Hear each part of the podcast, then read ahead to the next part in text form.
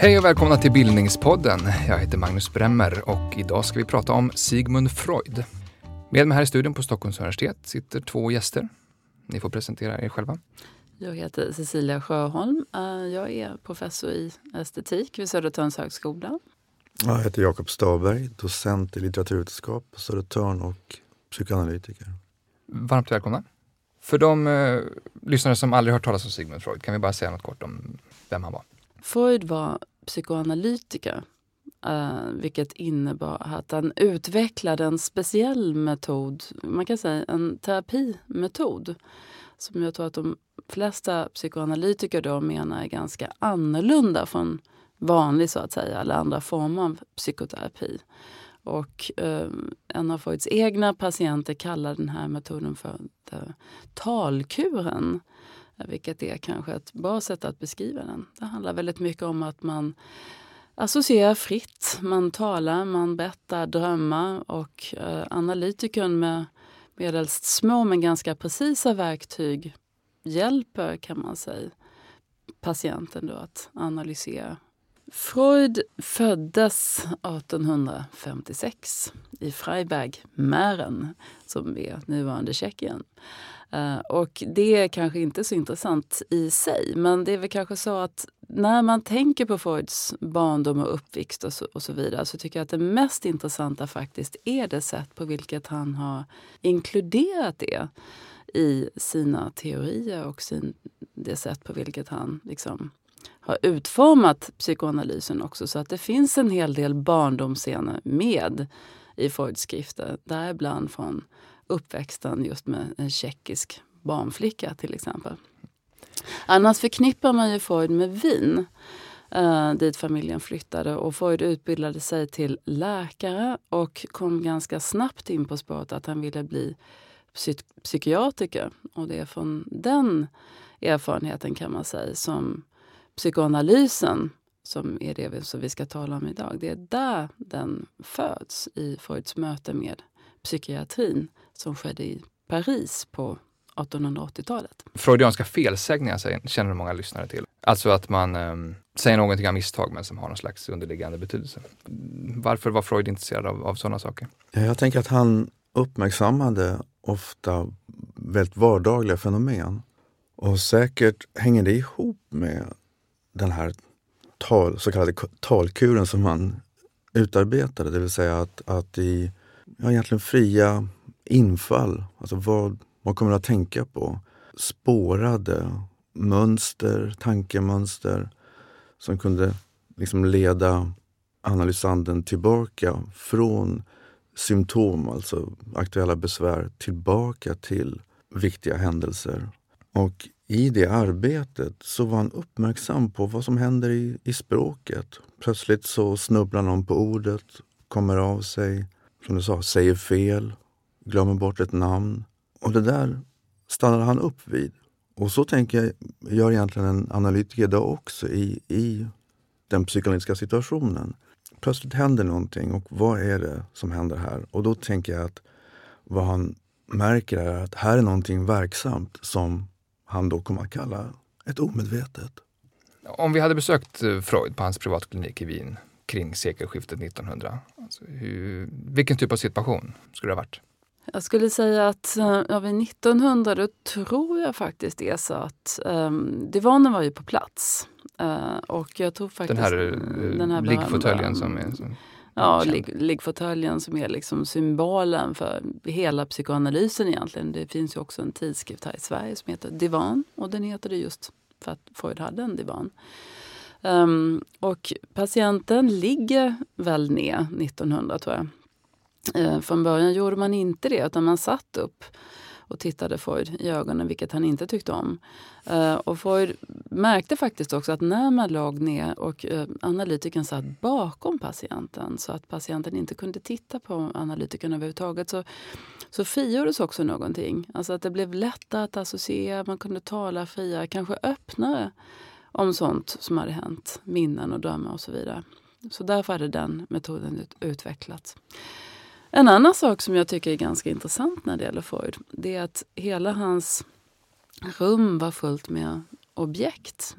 Gärna förhistoriska objekt som han samlade på. Arkeologiska eh, objekt från olika kulturer var han väldigt, väldigt fascinerad av. Och det kanske säger någonting också om hans metod, att just kan säga, gräva i det förflutna och att gräva i mm, det lite mystiska kanske också. Hur, hur ofta besökte man kliniken om man var aktiv? När han väl kom igång med det som, som man nu så att säga, kallar psykoanalys, då var det intensivt. Han träffade människor sex dagar i veckan. Och faktum var att han gick ner, det var hans dotter Anna Freud som i en senare punkt försökte hjälpa honom för att han, det var sånt tryck, folk ville komma till honom att, att han rent logistiskt faktiskt måste gå ner till fem dagar i veckan. Men då gick man fem dagar i veckan uh, hela tiden, kort sagt? Ja.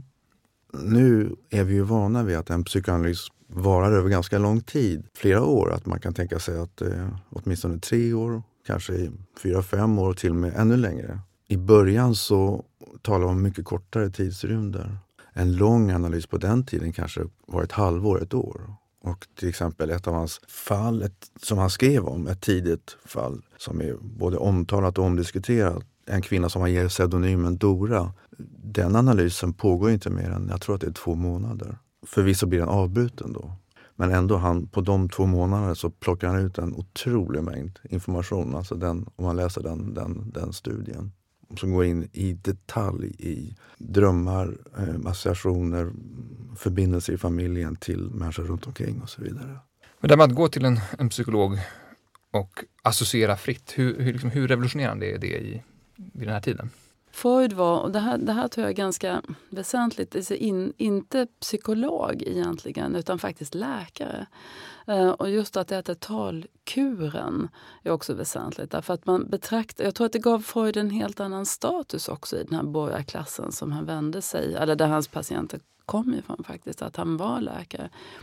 Och man kan säga det som, det som skilde sig i hans sätt att arbeta med patienter från andra sätt att arbeta. Det var väl kanske också det att um, det blev väldigt tydligt att man kunde liksom se att vissa ganska övergripande problem, säg, som man kallade hysteri, um, liksom kroppsliga liksom tics och så vidare, hade sitt ursprung i ganska specifika problem. Alltså man kunde liksom lokalisera, alltså vad, vad är det som gör att man kan finna någon slags befrielse från de här symptomen. Då? Och det gjorde kanske inte att man blev en lyckligare människa. Eh, för det var inte det som Freud var ute efter. Utan det var just att hitta och på något sätt frigöra personer från vissa specifika symptom som kanske hade tagit över hela deras person. Och hittade han andra orsaker till de här symptomen än vad andra hade gjort före honom? Ja, alltså han, det, det, det, måste man verkligen trycka på. Uh, framförallt den tidige Freud som inte talade om dödsstift och så vidare var väldigt, väldigt tydlig med att det mesta i människans psyke har att göra med den mänskliga sexualiteten. Och det här var någonting som både fascinerade och uh, förskräckte kan man säga den borgarklass som, som sen faktiskt också vände sig till honom. Det var något nytt med Freud?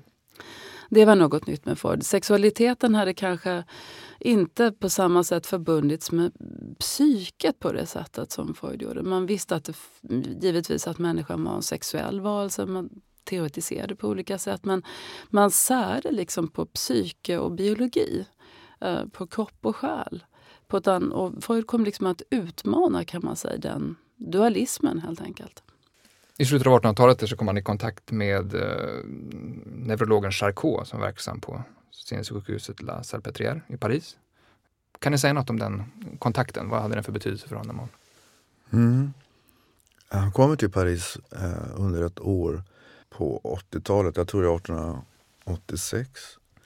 Och då är ju Freud alltså en ambitiös, ung läkare och neurolog intresserad av psykiatri och jag tror man skulle kunna säga så här att han tänker sig egentligen en, en, en forskarkarriär.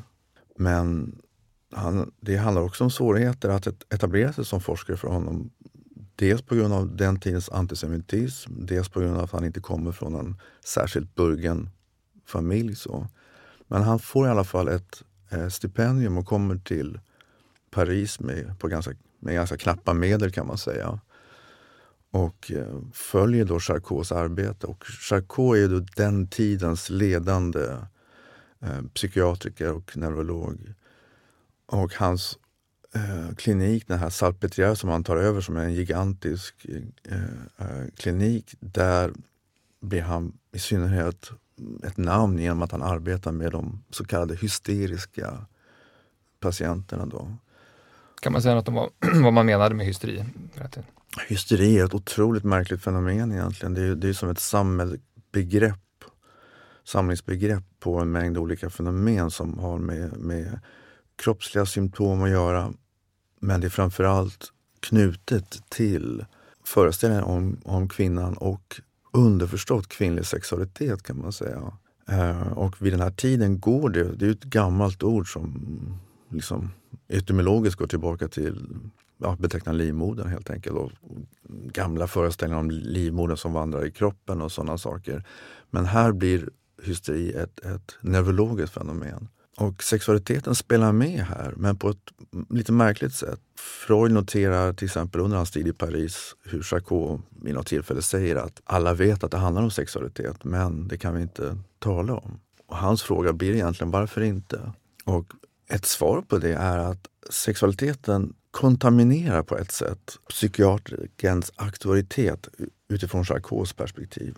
Han vill vara den här kliniken som, som eh, pekar ut och låter symptom framträda genom suggestion, egentligen manipulation och iscensätter så ett spel mellan läkare och patient. Hur, hur såg hans behandlingar ut? Han gjorde det framförallt inte själv utan det var han som en stab av, av, av eh, yngre läkare, blivande läkare som så att säga, förberedde de här kvinnorna och försatte dem i tillstånd där de skulle låta sina symptom så att säga synas eller ageras ut. Man arbetar med hypnos väldigt? Hypnos, ja, hypnos och suggestion är egentligen samma sak. Mm. Och Man skulle kunna formulera det så här att, att, att det blir som om man säger till patienten att var tyst, låt dina symptom tala. Det är alltså en skillnad att för vad Freud gör är det motsatta egentligen. Han, han uppmärksammar två ting som Charcot och hans stab så att säga, ser som besvärligheter, obstacle, hinder. Det ena är vad som faktiskt händer mellan, i samspelet läkare-patient och som man så småningom kan ringa in som i termer av motstånd helt enkelt. Och det andra är att i detta agerande som, som, som läkaren uppmanar till så får sexualiteten en central ställning, eller liksom en central plats. Va? Så vad Freud istället utgår ifrån är just sexualitetens betydelse och samspelet mellan läkare och patient. Och det motstånd som uppträder där. Kan man säga att, att Charcot eh, studerade sina patienter medan att Freud började lyssna på dem? Är det, en, är det liksom en rimlig distinktion? Ja, det tycker jag man kan säga. Är det någonting han tar med sig från Charcot? Alltså, hur, använde han hypnos själv vid något tillfälle? Han, för, han lyckades ju aldrig med det där. Han försökte faktiskt. Han var liksom en dålig eh, hypnotisör. Och, eh, Charcot, det talas om att han hade en väldigt stark uh, utstrålning och ja, hade liksom manipulativ över sig som person. Precis. Men vad han för med sig är väl snarare uppmärksamheten på symptom som är kroppsliga och som kan ges en, en, en, en språklig förståelse. Det är det han för med sig tillbaka till Wien och där han börjar arbeta med, med en, en kollega, en lite äldre läkarkollega som är lite av en mentor för honom i Wien, Josef Breuer och det där mynnar ut i en studie som de gör tillsammans som, som får titeln Studier i hysteri. Breuer kan man säga i det här arbetet liksom snubblar på det som vi kommer att kalla överföring. Det vill säga att ge ett namn åt det här som, man, som man kan tala om som samspelet eller interaktionen mellan läkare och patient, vad som händer där. Snubblar över i den meningen att han blir faktiskt livrädd och känner att här sätts krafter i rörelse som har med vad vi skulle säga begär att göra. Liksom laddningar som han känner att han inte kan kontrollera. Och det är i arbete med den patient som i, som i boken får pseudonymen Anna O och som då hittade på den här eh, talkuren, det, det, den beteckningen. Så att vad han snubblar över och blir rädd för börjar Freud intressera sig för. Så att så småningom kommer ju själva den så kallade talkurens liksom kärna att vara just överföringen. Vad händer i överföringen?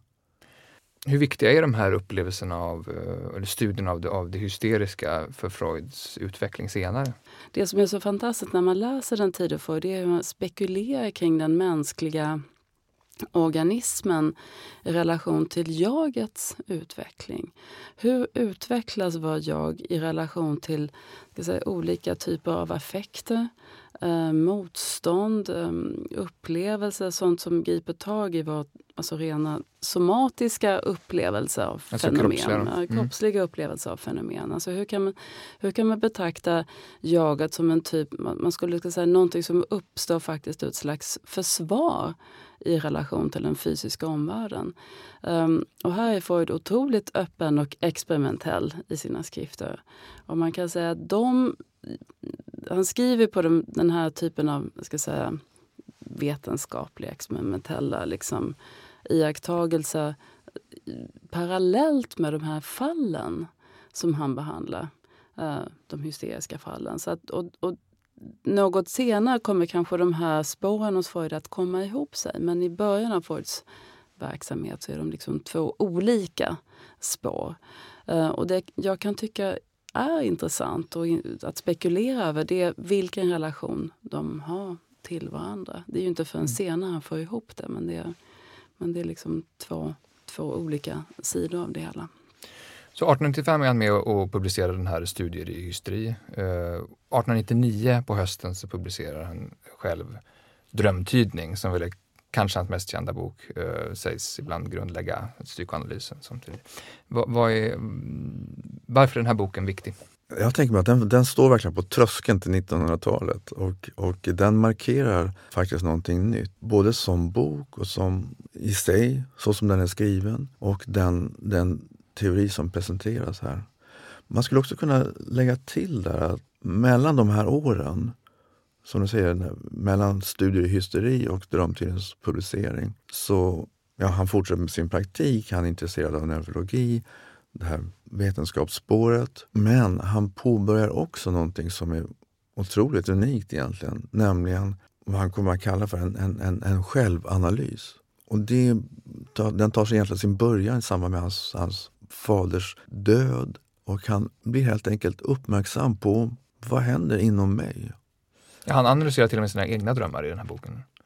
Varför, det, han, varför är han intresserad av drömmen?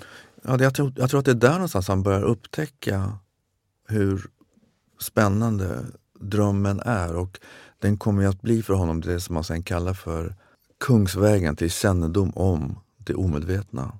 Så att drömmen ger liksom i förvanskad form en slags bild av de inre mentala processerna och kärnan i dem är liksom rester av, av otroligt tidiga minnesspår, dagsaktuella händelser men drivs av vad han kallar för en önskeimpuls. En, en, en önskan, ett mm. begär, alltså en, en omedveten impuls eh, som i det vakna livet egentligen trängs undan. Men i drömmen poppar den liksom upp, så att säga.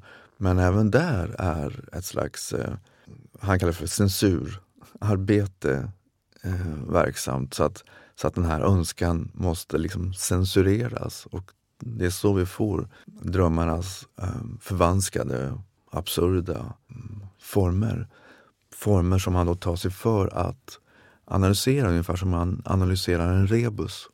Som att man kan liksom transponera den till ett annat medium, ett annat språk och då plötsligt så kan drömmen tydas just som uh, utsägelser, som, som utsagor. Så, så, grundtanken är att, att människan censurerar sitt inre på grund av samhällets tabu och, eh, eller andra saker eh, och, och, och därför får en massa symptom, stämmer det? Ja, nej, men man kan väl säga att det som överhuvudtaget alltså, träder fram så att säga, inför omvärlden, det är ju det som är censurerat. Och det, um, symptomen skulle man kanske framförallt kunna säga handlar om neuroser, alltså det som vi uppfattar som neuroser som är, kan vara mer eller mindre problematiska. Och det är väl en sak att det Um, för Freud är det ganska givet att alltså för att överhuvudtaget kunna leva som människor så måste vi censurera. Det är ju faktiskt så. Alltså det är inte så att vi kan släppa fram Eh, sexuella impulser hur som helst. Och man kan ju också, som Foucault har gjort, då, en annan filosof, ifrågasätta sig hur pass mytologisk den här idén om censuren egentligen är. Är det inte så att vi uppfinner en idé om att vi är oändligt sexuella varelser och måste censurera oss själva?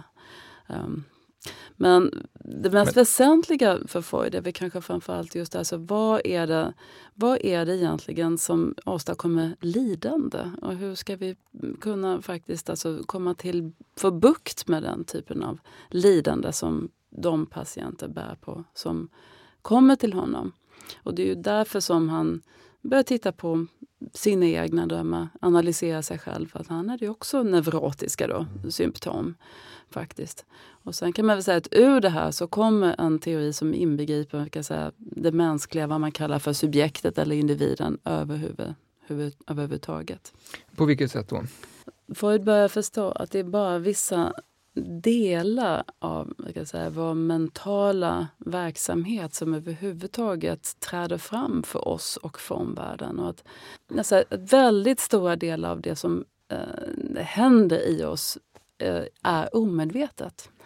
Eh, att den största delen, allt det som tränger fram eh, i medvetandet för oss har egentligen passerat en slags, eller har genomgått en slags process helt enkelt, där det har släppts fram eh, från det han kallar då för det omedvetna. Och det omedvetna, så som Freud beskriver det, förstås ju framför allt i termer av symboler. Förstås, det kan förstås som en mm. rebus, som du säger.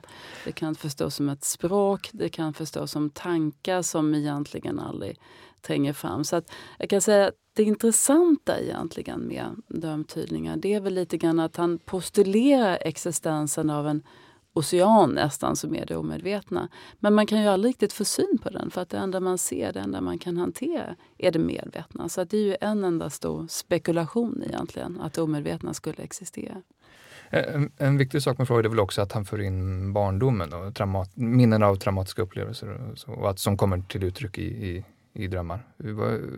Har han några egna sådana upplevelser som han redogör för i, i drömtidningen?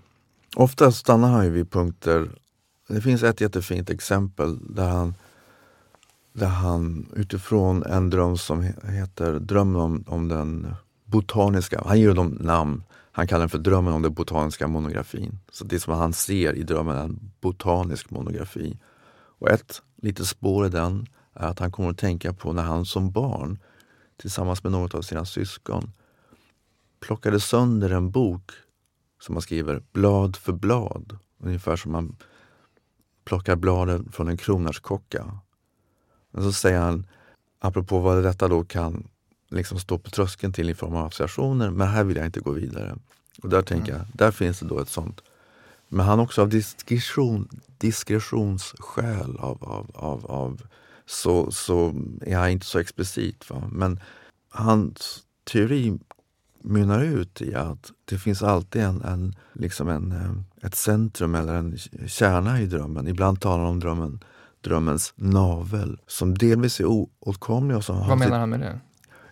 Ja, drömmens navel är liksom dess fäste i det obekanta. Och det obekanta har också som, ska man säga, ett, ett, eh, en, en, ja, ett fäste i, i faktiskt den otroligt tidiga um, infantila sexualiteten. Då. Och då tänker han relationen eh, till navelsträngen till modern? Så nej, nej, utan, utan mer navelsträngen, ja så kan man, så kan man, nej det är inte så utan mm. han tänker snarare um, fästet tänker i den, den liksom tidigt, det tidiga kropps... Jaget ännu inte finns utan den fortfarande är i vardagen. En slags, den, den liksom somatiska um, sättet att vara. Och det är den klangbotten som hela tiden finns med, tänker jag, i, i, i det vuxna livet. Hur stort genomslag fick de här tankarna i liksom hans egen samtid? Alltså, precis när boken kom så behandlades den framförallt som ett medel för alltså, psykoanalytikerna själva, så att säga. Men mm. eh, betydligt senare så fick den ett ett större genomslag i eh, kultur och litteratur och konst. Eh, inte minst när surrealisterna kom på scenen på 20-talet. Då blev ju Freud den stora portalfiguren. För man tänkte sig att vad Freud hade gjort det var liksom att visa vägen för den totala revolutionen. Det sätt på vilket individen kunde befrias från den borgerliga samhällets censur och förtryck och liksom bara lösgöra sig och komma, liksom, träda fram med hjälp av någon slags, eller i sin naturliga form med sina begär, sina sexuella begär kanske framför allt, men också begär som skulle hjälpa henne att skapa eh, konst, litteratur och vara en friare människa överhuvudtaget. Så Freud blev kan säga, den stora symbolen faktiskt i hög grad för surrealisterna. Hur använder de Freuds tankar? De, de använder väl Freuds tankar rent konkret i sitt sätt att kan säga, producera konst. Man vände sig väldigt mycket till drömmen. Man producerade egna symbolvärldar. Man kan tänka på Dalí till exempel, men verkligen inte bara Dalí utan kanske eh, alla de surrealistiska konstnärerna vände sig till någon slags drömvärld eller skapade någon slags drömvärld eh, som kanske inte alls var lika enkel som Dalís många gånger men ändå och även Breton med sina manifest gjorde ju väldigt tydligt att vad man ville göra var framförallt att spränga censuren. Och vad man, vad, vad menar du då? Spränga den censur som Freud hade talat om i drömtidningar. Den censur som gjorde att inte det omedvetna kunde släppas fram i den form som den då hade i termer av sexuella begär till exempel. Då framförallt. Hur gjorde man det? Hur sprängde man censuren? Man sprängde censuren genom olika lekar väldigt mycket. Alltså man satt och gjorde något som kallas för kadaverexki när man liksom målade eller ritade figurer på ett papper och skickade runt och man visste liksom inte hur helheten skulle bli när den skickades runt. Och till slut så dök det upp en figur som man då tolkade givetvis på något slags sexuellt plan. Och man gjorde också övningar i att, i att associera, associera fritt. Eh, poesin skulle vara liksom ett fritt flöde av associationer och tankegångar. Och man liksom tränade sig i helt enkelt att öppna sig. Det finns ju också en berömd um, uh, ett berömt samtal om manlig sexualitet som de manliga surrealisterna avfattade mellan sig. Det är ett otroligt intressant samtal och det var också inspirerat av psykoanalysen. Alltså man tänkte sig att nu ska vi faktiskt tala med varandra på ett sätt som man aldrig annars gör på grund av den här borgerliga censuren. Men det är väldigt manliga eh, fantasier just? Det är väldigt manliga fantasier men man kan säga att de kvinnliga surrealisterna Eh, som dök upp på scenen kanske något senare på 40 och 50-talet, de var också influerade av den här typen av tankar. Att man skulle spränga censur, man skulle upprätta världar utifrån egna drömmar. Och väldigt mycket också ägna sig åt självanalys. Analys av sig själva som den i termer av vad, vad som hade hänt dem när de var mindre. Det barndomsbilder. Uh, hur var det att vara flicka i en värld av vuxna? Och så vidare. Så att Freud var väldigt viktig även där. Och kanske på ett sätt som inte alltid angav att det var just Freud man tänkte på. Och det är kanske det som är intressant också, att Freud skapade liksom en hel, hel värld utan att man ens nämnde honom faktiskt eh, under 1900-talet i konst och litteratur. Surrealisterna ägnar sig också åt sånt där som automatisk skrift. Att få fram något slags omedvetet skrivflöde. Ja, detta att man liksom lät handen gå på något sätt och inte, och inte skulle tänka efter vad det var man gjorde egentligen. Och det var just ett sätt att, att alltså väldigt medvetet, uttryckligen ett sätt att passera censuren som de sa. Den censur som Freud hade definierat just i drömtydningar. För den typen av praktik fanns väl också sent 1800-tal i så här spiritistiska, mer andliga sammanhang. Men på vilket sätt förändrades det där av Freud? Av Freud kanske det förändrades på det sättet att det blev just en kur. Alltså att det hade någon slags kan säga, helande syfte att liksom analysera drömmar och att låta association, associationer flöda fritt. För surrealisterna och många andra författare så handlar det framför allt om att förändra kan man säga, världen mer politiskt och socialt helt enkelt. Finns det liksom ett före och efter Freud när det gäller hur drömmar just gestaltas i litteratur och konst? Kan man liksom se det?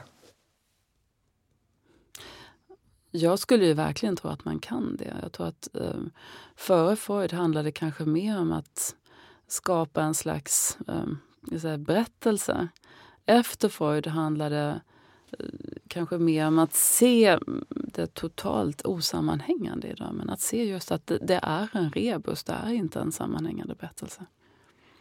Mm. Om, man, om man jämför med hur drömmen presenterades hos romantikerna, till exempel Jean Paulus och så vidare. Så är, de är fantastiska men de är liksom lite för sammanhängande för att överensstämma med hur, hur Freud presenterade till exempel. Där kan man ju tänka på att Freud uppmärksammar oss på detaljen i drömmen och tänker att just det här som romantikerna hade med när drömvärlden snarare blir nästan som sagor kan man säga. Ungefär som ja, Jean Paul eller hos Novalis, att man kommer in i slags underbara landskap och inte vet jag, blå blommor och märkliga gestalter. Men tolkar man drömmarna då? Ja, då blir de som eh, sammanhängande symbolvärldar kan man säga. Men vad Freud uppmärksammar är de egendomliga sammansättningarna i drömmen och uh, detaljerna. Och det är det jag tänker också liksom, surrealisterna fångar upp. Den här, den här, nästan som en montageteknik blir det ju. Alltså drömmen är mm, den oväntade sammankopplingen mellan helt oförenliga element.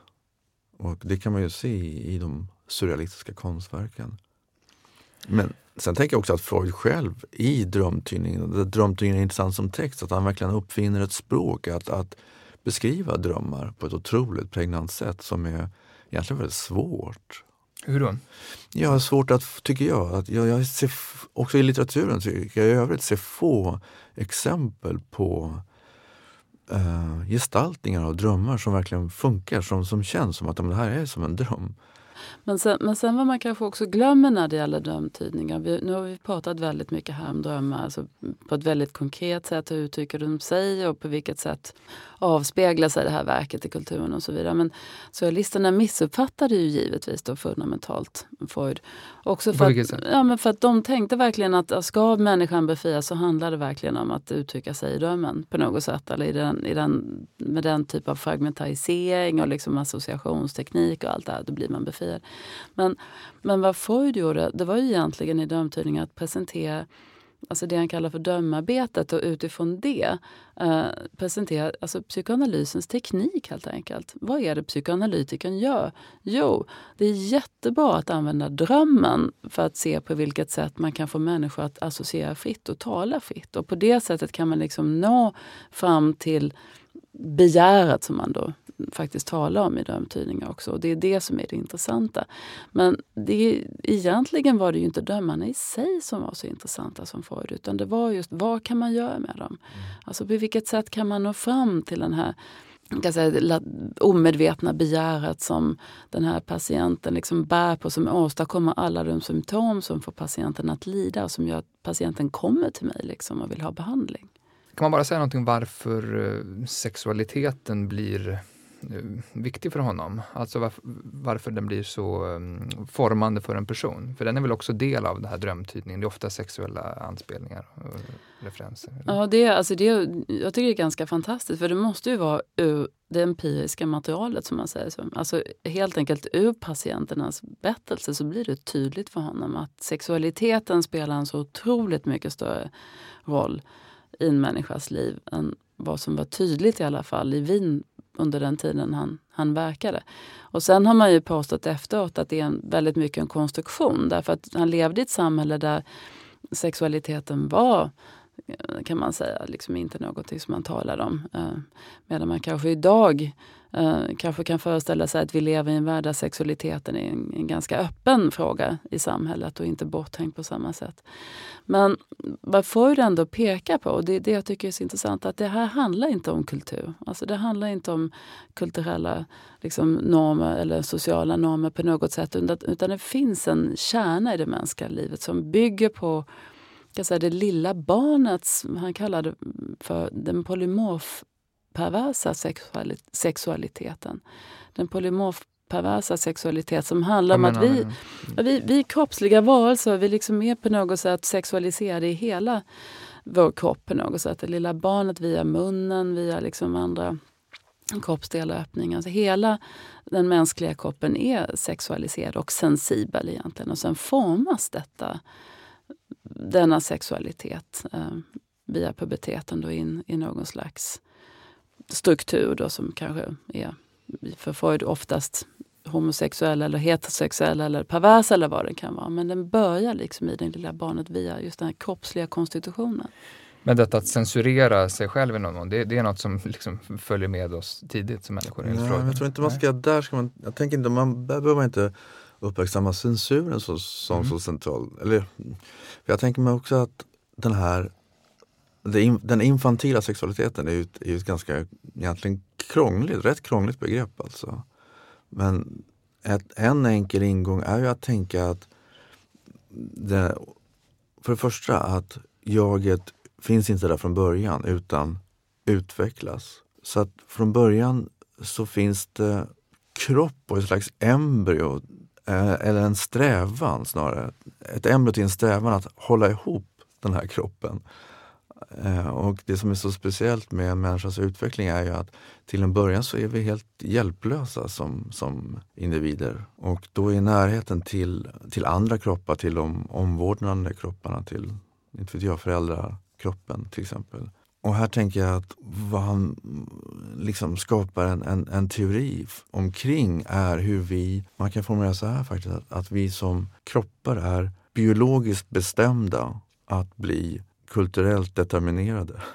kan man säga en sån formulering? Det blir väl krångligt kanske. Men, eh, alltså det, men det, det, är precis, det är krångligt formulerat, men det, därför att det är krångligt. Och det, jag är inte säker, Freud hittade ju aldrig liksom den fullständiga förklaringen heller. Och det är väl kanske därför han hela tiden återvänder till det här med sexualiteten. Alltså, hur går vägen från det här alltså lilla polymorfperversa som man säger, barnet till den liksom färdiga vuxna sexualiteten som är som sagt då antingen heterosexuell eller homosexuell eller som man säger pervers. Det finns ju olika lösningar eller det finns olika varianter liksom i den här, hela den här säga, sexuella panoplin liksom, som, mm. är, som är människan. Mm. Och där tänker jag en, en, ett viktigt bidrag som Freud och som man ibland faktiskt glömmer bort är ju att, att han, till skillnad från sin samtid, tänker jag, de här Kraft, Ebbing och de här sexual, sexologer, om ska säga, som var så noggranna med att kartlägga de här olika perversionerna som någonting som då avvek från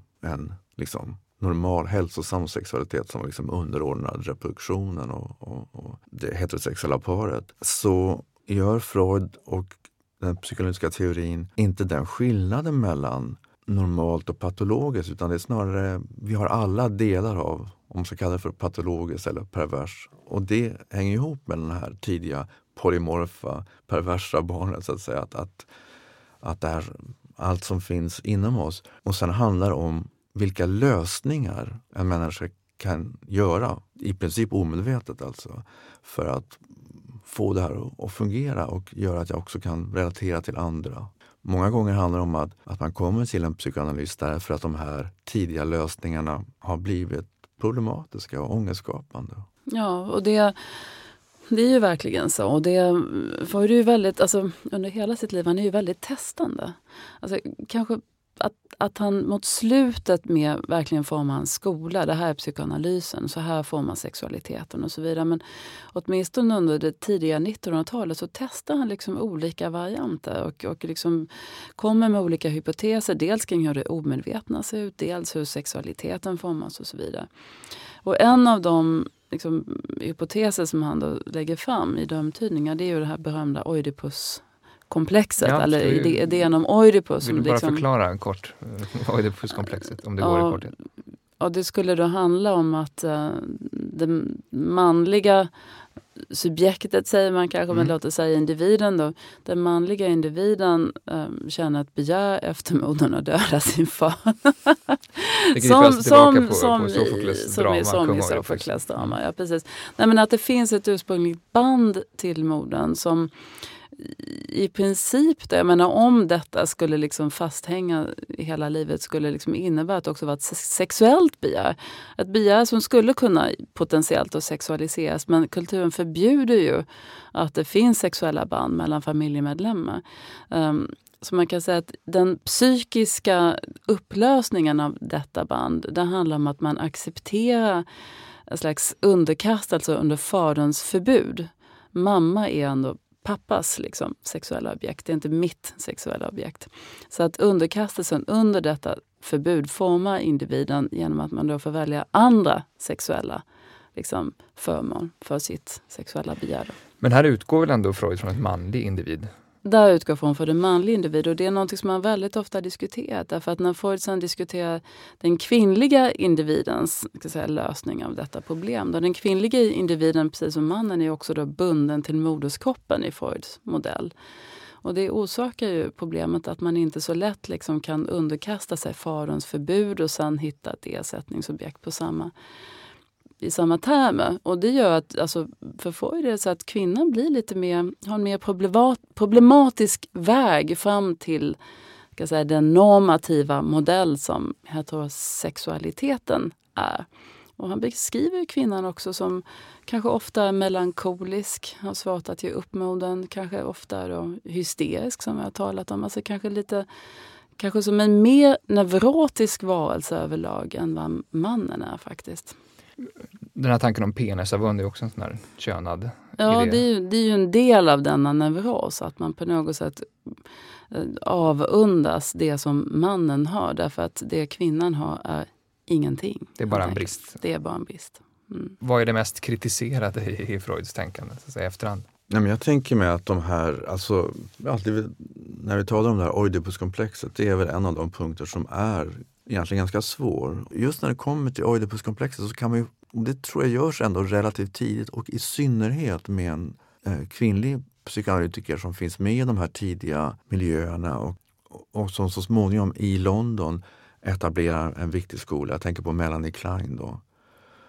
Och Klein gör någonting med hur vi förstår och kan förstå Oidipuskomplexet som dels lägger det tidigare, dels omformulera. Det blir inte den här enkla sagan med lilla pojken som vill ligga med mamma och döda pappa utan Oidipuskomplexet är snarare ett nätverk kan man säga, ett virrvarr av relationer mellan barnet och föräldragestalterna.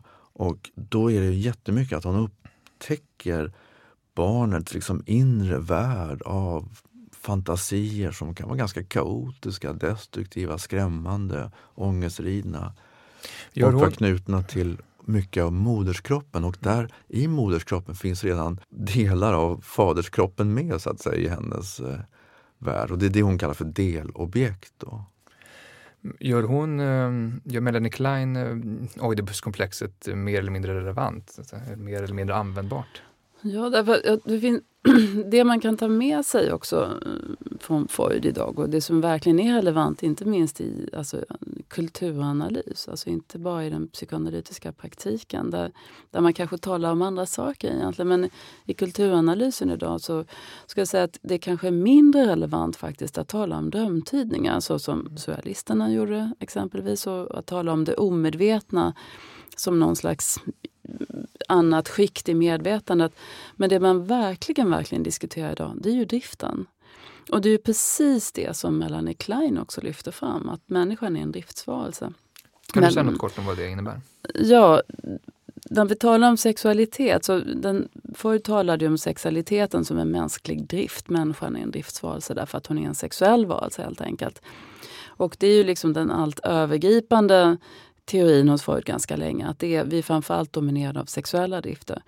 Men all... I många andra situationer annat än i sexuella situationer? Ja precis, att det är också det som determinerar det sätt på vilket vårt omedvetna formas. Och det är också det som censuren liksom tränger bort, det är liksom de här sexuella drifterna. De, de omformas på olika sätt när, i, när vi socialiseras som kulturvarelser skulle man kunna säga helt enkelt. Vi sublimerar brukar man kalla det för. Det är att man omvandlar den här driftsenergin till någonting annat? Ja, till kanske kultur, intellektuella liksom, idéer och så vidare, liksom vetenskap, sådana saker. Mm.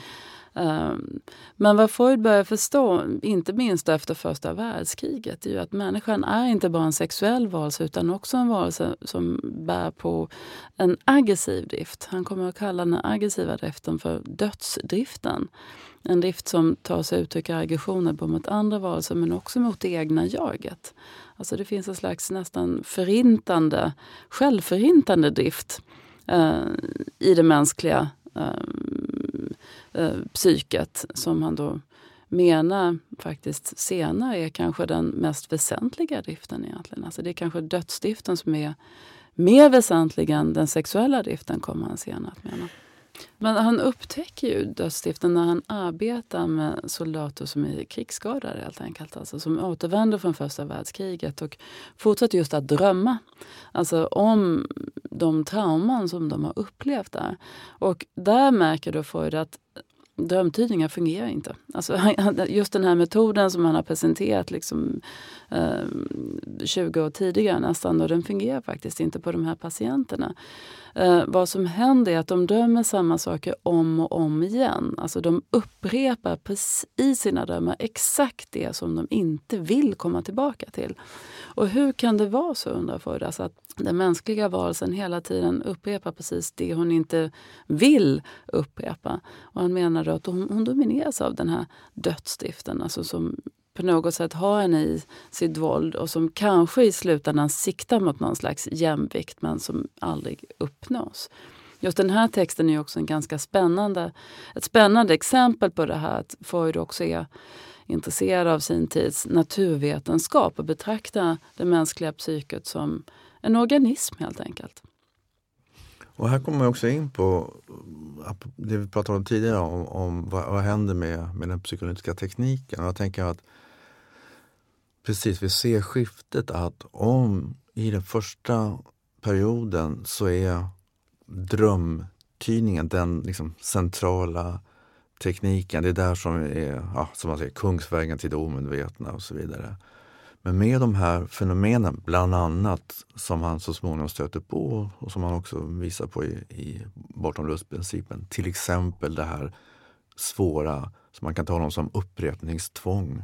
Och en upp, ett upprepningstvång kan ju yttra sig både i, utanför den psykologiska situationen så att säga, i, i livet som, som att upprepa destruktiva mönster. I själva den psykoanalytiska situationen så kan ju upprepningstvånget komma, ja, märkas som ja, ett, vad ska man kalla det för, man, ett, någonting som hela tiden tas om och tas om och tas om igen och som uppenbarligen inte blir så att säga produktivt utan stänger någonting. Och med uppmärksammandet av det så kan man säga att, att om man tänker sig tekniskt så, så blir det att från drömtydning som den centrala tekniken till att det är överföringen som man är uppmärksam på. Hur då? Igen det här samspelet mellan läkare och patient. Hur ser det ut? Vad händer där? Vilka laddningar uppträder där? För det är ju där då som det här upprepningstvånget också kan utspela sig. Hur, hur eh, pass inflytelserik är Freud idag? Jag tänker, alltså just den här frågan om driften har varit väldigt väsentlig när man har försökt fundera över vad i hela tiden det var som hände under 1900-talet egentligen. När man tittar på de fascistiska och totalitära rörelser som tog över stora delar av Europa. Då. Det var ju det man kallar för Frankfurtskolan, det vill säga ett gäng filosofer från Tyskland som sen fick lämna landet. De var ju väldigt influerade av Freud när de försökte förstå den typ av människa som faktiskt blev nazist? Alltså på vilket sätt? Eller hur kunde det hända sig att man underkastade sig en ledare på det här sättet? Och de använde just, som, som Hitler då var, mm. och de använde just Freud för att förstå det här. Och just Freuds idé om Freud som en driftsmänniska som var benägen liksom att underkasta sig kanske inte av liksom, sexuella begär eller någonting sånt där utan för att det finns en, kan säga, en driftsmässig benägenhet i det mänskliga psyket just att underkasta sig. Och de relaterar det snarare till dödsstift. Kort bara, narcissismen. Eh, vad säger Freud om den? Ja, alltså det, ju, det går ju egentligen tillbaka till hans föreställning där om, som egentligen är utvecklingspsykologiskt grundad. Alltså att eh, jaget Eh, utvecklas och, och, från början är det situerat i kroppen och eh, som en slags förutsättning kan man säga så måste hela kroppen liksom laddas upp eh, och upplevas som en helhet för att kunna eh, också relatera till ett inre och ett yttre, till, till andra objekt och så vidare. Och narcissism kan man säga är, är liksom betecknar alla de problem och svårigheter och olika lösningar som den här eh, processen handlar om. Rent allmänt betyder det ju om, om, att, att älska sig själv. I någon jo, mm. och man kan tänka sig att i vuxen ålder när man tittar på en narcissistisk karaktär då, som, som inte accepterar att det finns andra eller att inte ser att jag har brister eller begränsningar. Ofta psykoanalytiskt kan man tänka sig att då är det faktiskt ett, ett försvar, ett skydd som så att säga försöker hantera en, en snarare en, en djupgående bristkänsla i den här tidiga utvecklingen. Så att det egentligen finns från början för lite av narcissism om man säger så. Vi skulle kunna fortsätta prata ett tag, gissar men vi måste sluta. Eh, varmt tack Cecilia Sjöholm, Jakob Stavar för att ni ville vara med. Tack. tack. Och eh, tack för att ni har lyssnat. Eh, vi är tillbaka om en vecka med ett nytt avsnitt och ni kan eh, följa oss på sociala medier för att höra mer om kommande. Tack och hej! Du har lyssnat på Bildningspodden, en podcast från humanistiska fakulteten vid Stockholms universitet. Producerad av Magnus Bremmer och Claes Ekman. Podden spelas in på Språkstudion och tekniker är Henrik Nordgren.